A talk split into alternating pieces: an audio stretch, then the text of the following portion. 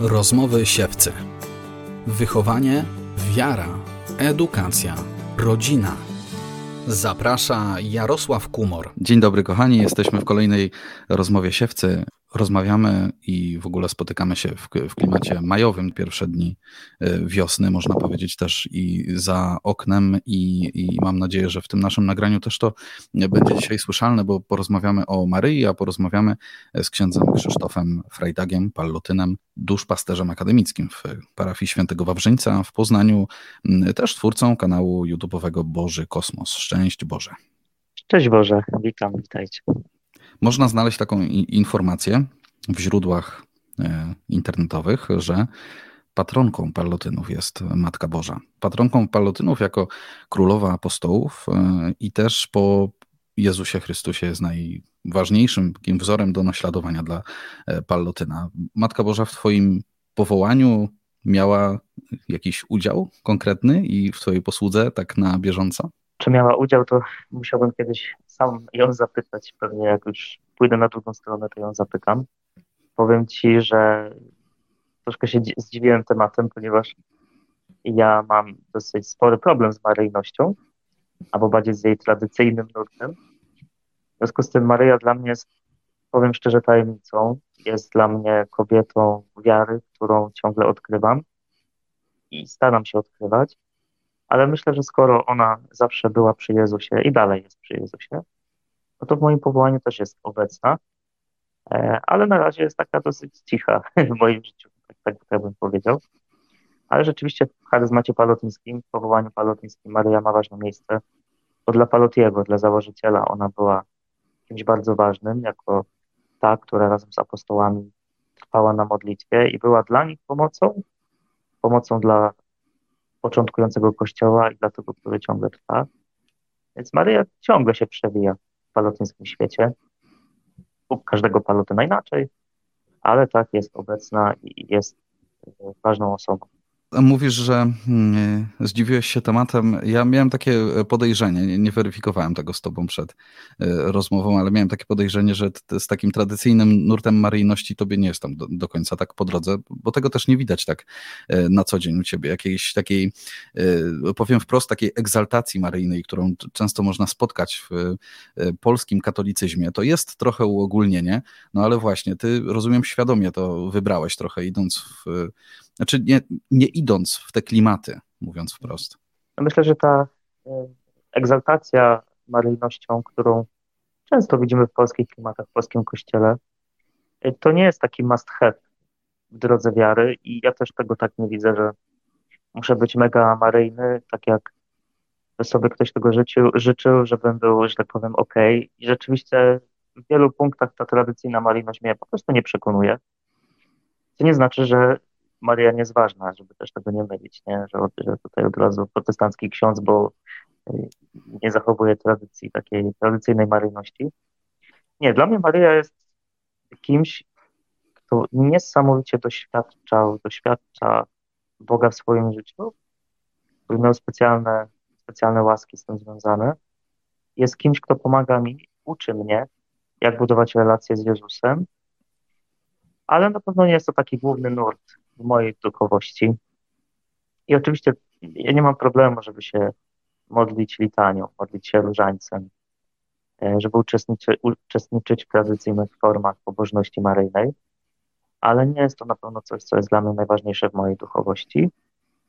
Dla mnie Maryja jest kimś, kogo przede wszystkim odkrywam w Piśmie Świętym.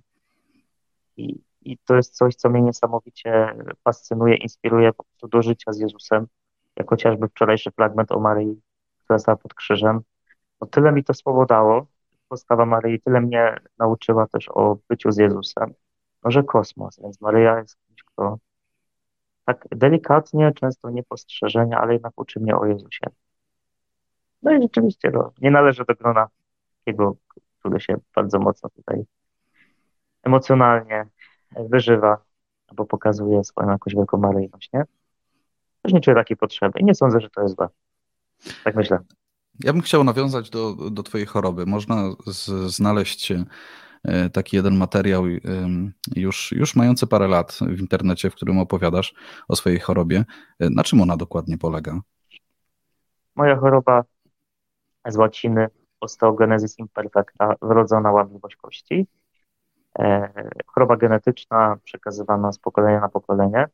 Ona polega po prostu na tym, że kości, kościec cały e, nie jest zbudowany tak jak u zdrowego człowieka, nie jest tak silny i zdrowy jak u każdego człowieka niechorującego, tylko po prostu jest bardzo podatny na złamania, na deformacje, na różne tam jeszcze medyczne konsekwencje. Najprościej to choroba, która sprawia, że bardzo łatwo jest się połamać, połamać swoje kości. To różne jej postaci. E, ja mam taką średnią. Teraz, chwała Bogu i Maryi, że jestem w takim etapie życia, że nic takiego wielkiego, ciężkiego się nie dzieje. Nie? I nawet jak się wywalę, to jest szansa, że wstanę i sobie nie zrobię.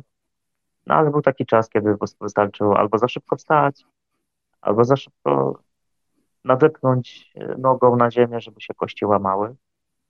Na tym mniej więcej ta choroba polega. Łamie kości i serce mhm. przy okazji.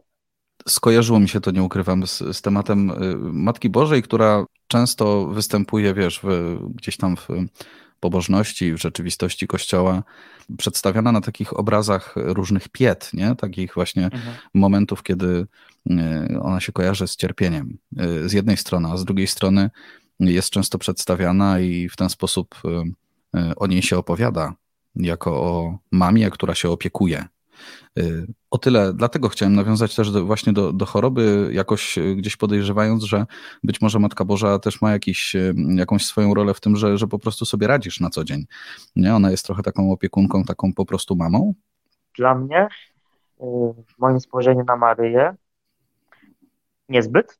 Bardziej mhm. jest dla mnie kobietą, która fascynuje mnie swoją kobiecością, dojrzałością też na wielu różnych przestrzeniach która jest dla mnie po prostu inspiracją e, w walce z różnymi przeciwnościami. Więc e, jeśli ja miał, miałbym jakoś właśnie charakteryzować swój rys maryjny, to w tę stronę by to szło.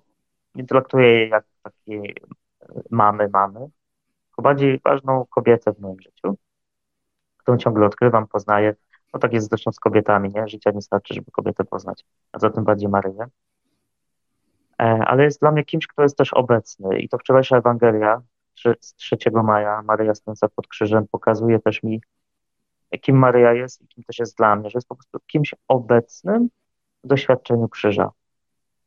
E, wierząc w jej orędownictwo i obecność też w życiu duchowym, to wierzę, że kiedy ja doświadczam jakiegoś krzyża, takiego własnego ukrzyżowania, to wierzę, że ona w jakiś jej znany sposób jest obecna i podsyła mi takie dobre myśli żeby kierować swoją uwagę w stronę Jezusa, żeby Boga nie przeklinać, żeby Boga nie odchodzić. Tak, tak bym widział, jako towarzyszkę. Myślę, wiesz, jeszcze o, o, tym generalizowaniu. Ono jest takie trochę dla mnie, mnie to trochę uwiera, bo, bo też nie chcę wrzucać wszystkich, y, nie wiem, nas Polaków do, do jednego worka, bo wiadomo, że to tak nie jest, ale oczywiście na polski, polskim jakimś wymiarze pobożności jest ten rys maryjny bardzo mocno zaznaczony i, y, i tak, y, wiesz, ja osobiście bardzo lubię jeździć na Jasną Górę. Lubisz generalnie się pojawiać na Jasnej Górze? Pewnie, że lubię. Tam nie, to... dwa razy w roku tam jestem na czuwaniach różnych mhm. Ja zawsze bardzo lubiłem Jasną Górę, trochę się czułem tam jak w domu, właśnie jako Polak. E, ostatnio rzadziej mam okazję i może trochę tak patrzę e, bardziej z dystansu po prostu na i na to miejsce i na e, w ogóle jakby cały taki kapitał, no nie wiem, modlitwy i tego wszystkiego, co tam się wydarzało przez całe, wiesz, całe wieki właściwie. Mhm.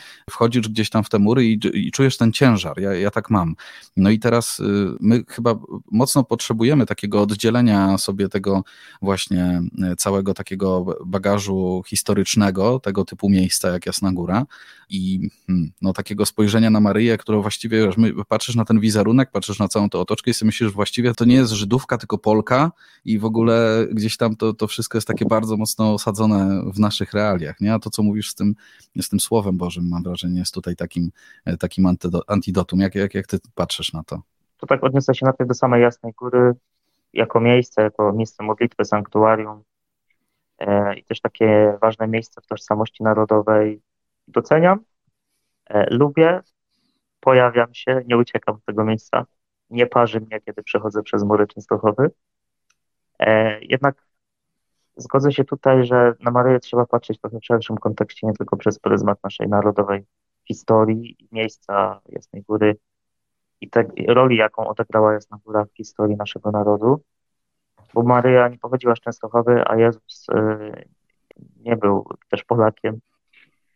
Ja myślę, że starszemu pokoleniu to może trudno byłoby tak popatrzeć na Maryję, bo są bardzo zrośnięci z historią, ale młodsze pokolenie, mam wrażenie, e, wchodzi w taki etap e, życia, naszej historii, gdzie oni starają się szukać Maryi tak właśnie, ja mam takie wrażenie, w taki sposób, jak ja tutaj to nakreślam, jak ja to robię. To znaczy jako tę, która jest dostępna dla wszystkich, a nie jest tylko Polaczką, katoliczką. E, I nawet mówię z doświadczenia duszpasterskiego, wielu młodych ludzi odrzuca też taki etos Maryi jako tej, która jest zamknięta w pięknym, złotym obrazie i przed którą trzeba bić pokłony. Nie wszystkich to przekonuje i nawet nie powinno, ponieważ no, Jezus jest ważniejszy. Jezus to jest najważniejsze, Jego słowo. I, I, myślę, że jak się taką kolejność zachowuje, że Maryja jest w kolejności po Jezusie, to wtedy Maryja zaczyna bardziej fascynować i widzimy w niej kogoś, kto daje konkretne porady, tipy, jak do Jezusa się kierować. Ale myślę przy tym też, że Jasna Góra zawsze będzie miejscem takim szczególnym. Że ma takie wajby modlitewne w sobie, nie? No tak. Porady, tipy to, to brzmi mm, zachęcająco i, za, i zaciekawia, bez wątpienia. To, to jak, jakie ty wyciągasz porady od Matki Bożej, że jak się zbliżać do Jezusa? No to najpierw się odniosę do wczorajszego słowa, czyli sceny stania pod krzyżem, gdzie Maryja stoi z innymi niewiastami i Janem pod krzyżem. I wczoraj mnie bardzo walnęło w tym słowie czasownik stać, że Maryja pod krzyżem stała. Ani nie siedziała, ani leżała krzyżem, nie klęczała, tylko stoi. I tak poszukałem w różnych komentarzach i u ojca Stanisława Biela znalazłem komentarz, że to greckie słówko stać oznacza taką postawę pełną godności. E, że Maryja stoi pod tym krzyżem ze świadomością, kim jest, w co i komu wierzy, i to jej pomaga patrzeć na ten krzyż z jakąś nadzieją. No i wczoraj mnie uczy tego Maryja, żeby kiedy przychodzi w moim życiu jakieś ukrzyżowanie, to po prostu stać i trzymać się tego, co jest dla mnie ważne, a nie uciekać. Nie uciekać spod krzyża, nie uciekać od Boga, kiedy krzyż się pojawia, E, nie być jak inni apostołowie, którzy Jezusa opuścili, ale po prostu być. I czasem może to jest jedyne, co jesteśmy w stanie zrobić, jak przechodzą trudne chwile. Być przy Bogu, nawet jeśli niczego nie rozumiem, jest mi źle. E, czego jeszcze mnie Maryja uczy? Tego, żeby ryzykować. I tutaj mam na myśli przede wszystkim scenę zwiastowania. My ją tak czytamy już tak bardzo pobożnościowo, że takie wszystko słodkie, takie milutkie, ale gdybyśmy tak popatrzyli bardziej tak po ludzku, no to, to było strasznie trudne wyzwanie dla Maryi, bo zwiastowanie zmienia totalnie jej życie. Totalnie zmienia jej plany na życie z facetem, z którym się już związała. Miała pewnie jakiś biznesplan, może kredyt zaciągnęła i miała go spłacać. A tu przychodzi anioł i mówi, że jest zaproszona do czegoś innego. I ona mówi tak, że mimo lęku mówi, niech mi się stanie. I tutaj widzę zaproszenie, żeby nie bać się w życiu wchodzić czasem w coś, e, co nie jest do końca jasne, ale gdzieś tam w sercu czuję, że warto by było. Że Pan Bóg nie zawsze odsłania wszystkie karty, że robi to stopniowo że trzeba się uczyć po prostu zaufania. I nie muszę wszystkiego rozumieć. Nie muszę we wszystkim być od razu specem. To chociażby to, tak myślę jeszcze, co, czego jeszcze.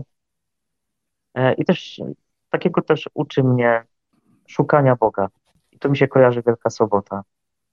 No ja nie sądzę, że po zobaczeniu śmierci własnego syna, nawet jeśli miała największą wiarę na świecie, że Maryja nie przeżyła Wielkiej Soboty w bólu, cierpieniu, w jakimś doświadczeniu, może nawet samotności, opuszczenia, a mimo to wszystko trwała na modlitwie. Robiła to, co robiła, o czym często Palotti mówił o niej jako królowej apostołów. Trwała na modlitwie, dawała sobie czas, e, szukała Boga w tym, co się działo, i czekała, aż on o sobie da znać, aż on zadziała. I tego też mnie uczy, że w moim życiu wcale nie muszą być ciągle cudowne wydarzenia, a często moje życie, jak i w zasadzie każdego, jest bardzo szare i to też jest ok. I w tym Pan Bóg też działa. I ważne, żeby w tym wszystkim trwać, szukać Boga, e, dawać Mu sposobność do działania w moim życiu. Nawet jeśli się dzieje nie tak, jakbym sobie życzył. E, to takie trzy rzeczy, co teraz mi przyszły. Jakbym pewnie dłużej myślał, to więcej bym wyciągnął. Ale wiesz, to są jakby takie konkrety, które wyciągam z Bożego Słowa, które widzę w postawach, które zapisali ewangeliści i one mnie niesamowicie, że tak powiem, rajcują, mówiąc prosto. Pokazują, że warto. Życie Maryi pokazuje, że warto, choć zaufanie Bogu nie zawsze znaczy, że wszystko będzie ok, bo w życiu Maryi przecież Maryi nie wszystko było fajne, łagodne i bezproblemowe, ale pokazała, że warto. Podoba mi się to osadzenie na Słowie Bożym cały czas. W sensie jesteś w tym bardzo konsekwentny. Y, tak samo wiesz, w tym jak na samym początku też powiedziałeś, że właściwie mm, czy Maryja miała jakiś, maczała palce na przykład w twoim powołaniu, czy jakoś macza palce na bieżąco w twojej posłudze, to, to, to powiedziałeś takie słowa, musiałbym zapytać, tak? Bo, bo jak już będę po drugiej stronie, to zapytam, pewnie zapytasz. No. To jest bardzo takie realne podejście. Myślę w tym wszystkim o, two, o twoim duszpasterzowaniu, o tym, że no masz młodych ludzi, o których też wspomniałeś już, e, gdzieś tam pod swoją opieką taką duchową, ty ich uczysz takiego właśnie realnego podejścia, bo to jest takie twarde stąpanie po ziemi, nie? Tak, tak, tak tak ja to, na to patrzę. Ja staram się ich uczyć, żeby nie bali się patrzeć w niebo, ale pamiętali, że chodzą po ziemi. E, staram się im pokazać, że wiara e, musi iść w parze z rozumem, bo jak nie idzie, to wtedy wpadasz w różne odpały, co widać w kościele ostatnio, chociażby na przykładzie mojego, pozwolę sobie nawet powiedzieć, niestety współbrata, e, Łukasza mm. Prausy, albo Galusa, albo innych dziwnych księży, że gdzieś brakuje racjonalności, to wtedy człowiek może się nieźle pogubić. Ja staram się pokazywać e, młodym ludziom, czy po prostu ludziom, e, że Bóg jest bardzo realny, że ja mogę, mogę go doświadczyć w tym, co się dzieje tu i teraz, tylko muszę sobie wyrobić mięsień takiej wrażliwości, uważności, a robi się to po prostu przez to, że się żyje tu i teraz. Że latanie za cudownościami może sprowadzić na manowce, bo często zły duch lubi się podszywać od cudowności i można nieźle popłynąć i sobie zrobić krzywdę. Takie mam podejście. Ono u mnie działa i tak jak patrzę na ludzi, którzy są w duszpasterstwie, to też działa. Że takie powolne inwestowanie w swoją relację z Bogiem w oparciu mocno o życie tu i teraz buduje solidne fundamenty, a nie tylko opiera się na emocjach, wrażeniach, e, przekonaniach albo jakichś osobach, duszpasterzach. Chodzi o to, żeby szukać Boga tu i teraz, czyli znowu robić to, co Maryja w sumie. A powiedz, y, bo ostatnio widziałem takie zdjęcie y, z taką y, ekipą młodych ludzi, dosyć liczną, twoje w, gdzieś na Facebooku. Ile, ile, masz osób w duszpasterstwie? Czy masz? No nie, no nie wiadomo, ty, ty, ich nie masz, ale Pan Bóg ich ma jakoś w tym duszpasterstwie. I ile, ile jest takich osób na stałe? To jest trudne pytanie, bo to jest bardzo płynna liczba, dlatego że Każdego roku ktoś odchodzi, ktoś przychodzi, ktoś kończy studia, e, zostaje w Poznaniu, no to przechodzi do innego duszpasterstwa albo do postakademickiego, przychodzą nowi. No to na takiej grupie wewnętrznej duszpasterstwa akademickiego na fejsie to jest ponad 500 osób. W ciągu tygodnia formacji, mam tu na myśli różne wspólnoty, które mają konkretny program, no to gdzieś setka ludzi w takiej stałej formacji jest w ciągu tygodnia. Do tego są ludzie, którzy przychodzą tylko na msze albo korzystają tylko, nie wiem, z kazania, które potem wrzucamy. Ale tych realnych, bo to, jest, no to są setki osób, które się kręcą tam w Poznaniu wokół naszego kościoła, ale też jest wiele ludzi, którzy wirtualu krążą wokół nas i to tu jest nawet w dziesiątkach tysięcy. Pytam o to, wiesz, bo ja myślę, że tak z przekazów medialnych, przynajmniej może ja w jakiejś takiej bańce funkcjonuję, ale ale do, dociera, dociera do mnie y, czy taki obraz młodego pokolenia w kościele, który zwiastuje to, że kościół zdecydowanie się zwija i zejdziemy do katakumb jako kościół za, nie wiem, parę dziesiąt y, lat albo nawet wcześniej. Wiesz, i z drugiej strony y, powiedziałeś o tym, że, że młode pokolenie bardziej w zdrowy sposób patrzy na, na, na Maryję niż to starsze pokolenie.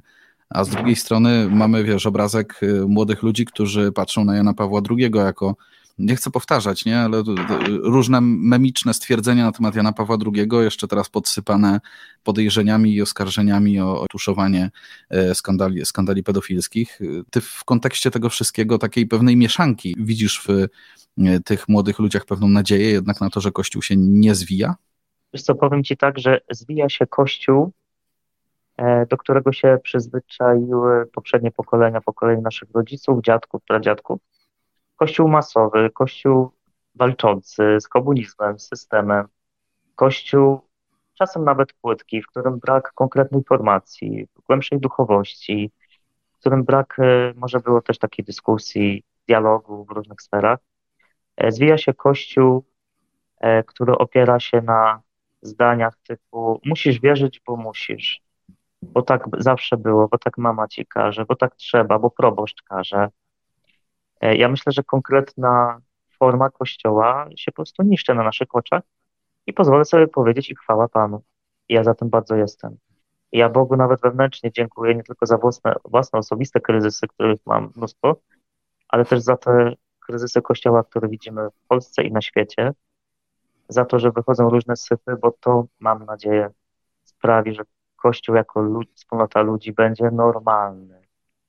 Jakbyś zapytał takiego randoma, młodego człowieka z ulicy, co myśli o Kościele, nie mówię o tych, co są w duszpasterstwie, ale takiego, który stoi dalej, no to powie ci, że Kościół to albo sekta, albo coś nienormalnego, albo dziwaki, albo coś nieżyciowego, e, albo powaleni ludzie, chorzy psychicznie. E, to też czegoś wynika. Natomiast y, uważam, że rozwija się Kościół, w którym ludzie naprawdę szukają Boga i są go głodni. Ja to mogę powiedzieć na podstawie doświadczenia duszpasterstwa, że ludzie, z którymi spędzam dosyć dużo czasu, to są ludzie, którzy są cholernie głodni Boga, głodni czegoś więcej, że nie wystarcza im studiowanie, pracowanie, przelotne albo stałe związki, przygodny albo stały seks. Oni potrzebują czegoś więcej. E, i potrzebują w tym wszystkim, że tak powiem, takiej normalności. Rozwija się kościół, który po prostu jest tu i teraz, który nie ogranicza się tylko do murów kościoła, do walki e, z przeciwnikami, tylko jest po prostu, e, rozszerza się na codzienność. Ja akurat jak to dzisiaj nagrywamy, no to wczoraj wróciłem z majówki, właśnie z moimi studentami. Kilka dni łażenia po górach, bycia razem, imprezowania razem, gadania, zwierzania, śmiania się, robienia głupot, modlitwy, codziennej mszy, codziennej juczni. No ja ci powiem, że wróciłem z tego, z tej majówki wczoraj i tak mi jakoś było smutno i pusto, mimo że z tymi ludźmi tak się spotkam teraz, bo doświadczyłem kościoła, który jest żywy, e, w którym jesteśmy razem, w którym nie boimy się rozmawiać, też na wiele tematów tabu, i w którym mam, mam wrażenie, Pan Bóg jest po prostu obecny. Więc tak zbierając to, zwija się dawny sposób e, przeżywania Kościoła jako wspólnoty w Polsce. Zaczyna się dziać coś nowego, co wymaga też konkretnego świadectwa, żeby pokazać innym, że warto. Na pewno jesteśmy w przełomowym momencie. Tak, tak myślę, na pewno, ja tak myślę. Tak, w tym wszystkim jawi mi się Maryja jako matka Kościoła, już nie w złocistych szatach i gdzieś tam na tych takich, jak w procesji nosi się takie różne fe, feletrony. Feletrony. Tak dalej. Jakoś mi się z tym to kojarzy, nie? E, tak, ale, ale Maria jako matka Kościoła, która jakoś, tak sobie wyobrażam, że, że trwa w modlitwie za Kościół, e, który e, właśnie ma przejść ten kryzys.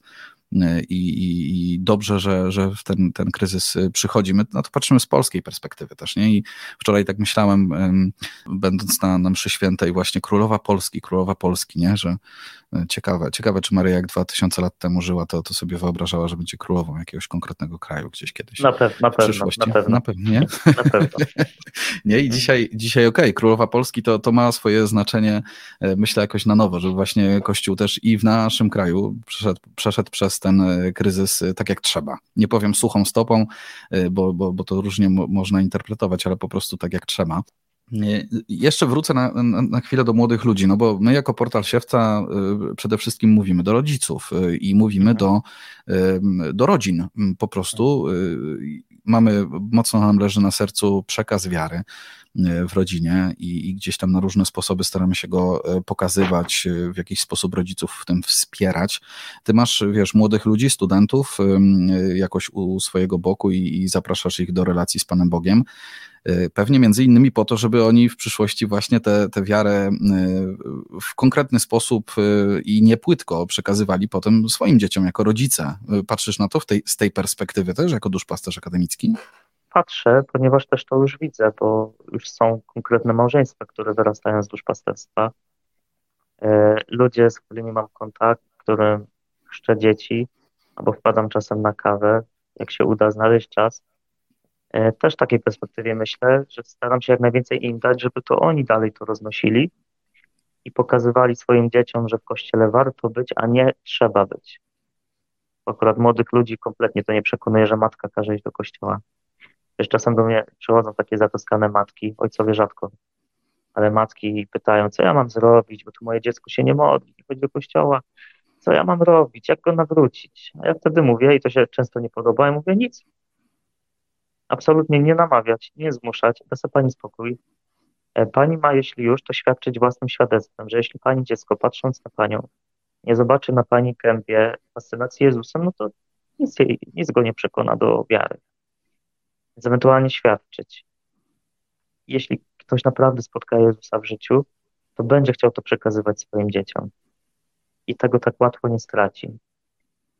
Więc ja tak patrzę w też takiej perspektywie dalszej, Mam nadzieję, że to się udaje albo uda, ale jak najbardziej. No.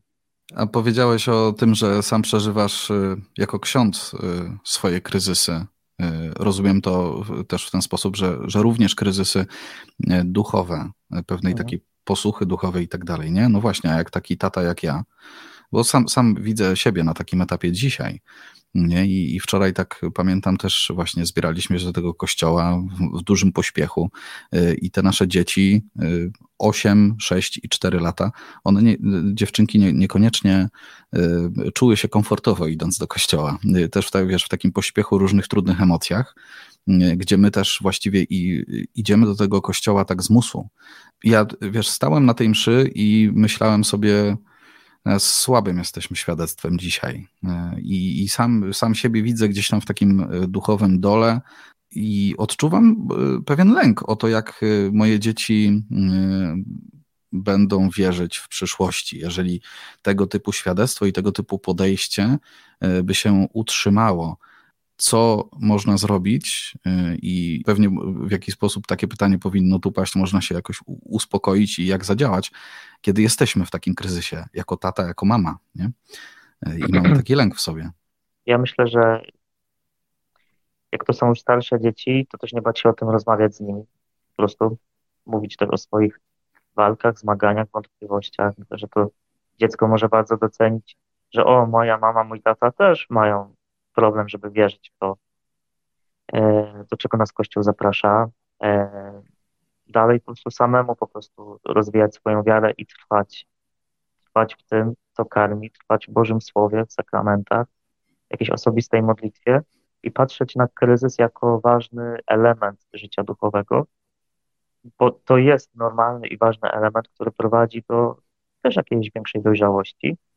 Nie bać się takich momentów, i też tak spuścić trochę powietrze, że mm, my najpierw jesteśmy odpowiedzialni za własne zbawienie i w też szerszym kontekście za własną wiarę, to jak uformuje się wiara Twoich czy Waszych dzieci, nie, nie macie nad tym kontroli. Świadczcie po prostu o Jezusie. Jeśli dla Was Jezus jest ważny, to pokazujcie to, że jest ważny. Czasem się Wam chowa, to pokażcie, że się Wam chowa, ale po prostu żyjcie tym i to pokazujcie. E, no myślę też, że dobre są takie wspólnoty też małżeńskie różnego rodzaju. E, w kościele jest kilka możliwości, kilka takich ruchów. To też umacnia bycie razem z innymi, którzy mają problem i też tak samo się zmagają, tak jak, tak jak i wy. A mimo to, że się zmagają, to ta wiara rośnie, jak się jest razem i rozmawiać, dużo, dużo rozmawiać, nie bać się rozmawiać też na tematy tabu z dziećmi, też w kontekście wiary. Może nie z takimi bajtlami czteroletnimi, ale tymi starszymi jak najbardziej.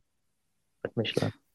Tak, zresztą to widać. 8 lat to już jest taki wiek na przykład, mhm. E, gdzie tak, wchodzą coraz e, poważniejsze tematy y, i też takie rzeczywiście dobre, plastyczne dla mnie jako dorosłego, do tego, żeby rzeczywiście rozmawiać, podejmować to, bo masz, masz takie poczucie, że y, kurczę, to twoje małe dziecko zaczyna rzeczywiście dorastać, zadawać takie pytania, y, że ty już musisz jakąś tam pracę w ogóle intelektualną w mózgu wykonać, żeby, żeby odpowiedzieć, chociaż z drugiej strony małe dzieci i żeby jakoś przełożyć rzeczywistość wiary na ich język, język, ich sposób rozumowania to też, też często nie jest łatwe. No, przygoda życia, bez wątpienia. No i też dzieci, tak sobie pomyślałem, e, zadają pytania i dzięki temu, że zadają, to my się konfrontujemy z pytaniami, których nigdy byśmy sobie może nie zadali. Że tak naprawdę własne dzieci najbardziej nawracają, bo każą, każą się skonfrontować e, z własnymi wątpliwościami, pytaniami i daj Boże zmusza to do poszukiwań, do pogłębienia też wiedzy może na temat E, czy Pisma Świętego, czy różnych kwestii teologicznych. I bardzo dobrze, że to robią. Dzieci, mam wrażenie, często mają większe wyczucie Pana Boga niż my. Są większymi teologami niż my dorośli. I przypominają, że też musimy sobie zadawać pytania. Chwała im za to. Tak jest, chwała im za to. E, Krzysiu, ja Ci bardzo dziękuję za, za dzisiejszą rozmowę. Myślę, że e, przeszliśmy dobrą drogę e, w, w, ramach tego, tych trzydziestu e, kilku minut e, od trochę narzekania na pobożność maryjną w naszym, w naszym kraju, jakoś w naszej rzeczywistości, ale od, od Matki Bożej przez temat kryzysów naszych jako ludzi Kościoła i kryzysu Kościoła w ogóle do rodziny, która jest podstawową komórką i nie Aha. tylko społeczną, ale też kościoła.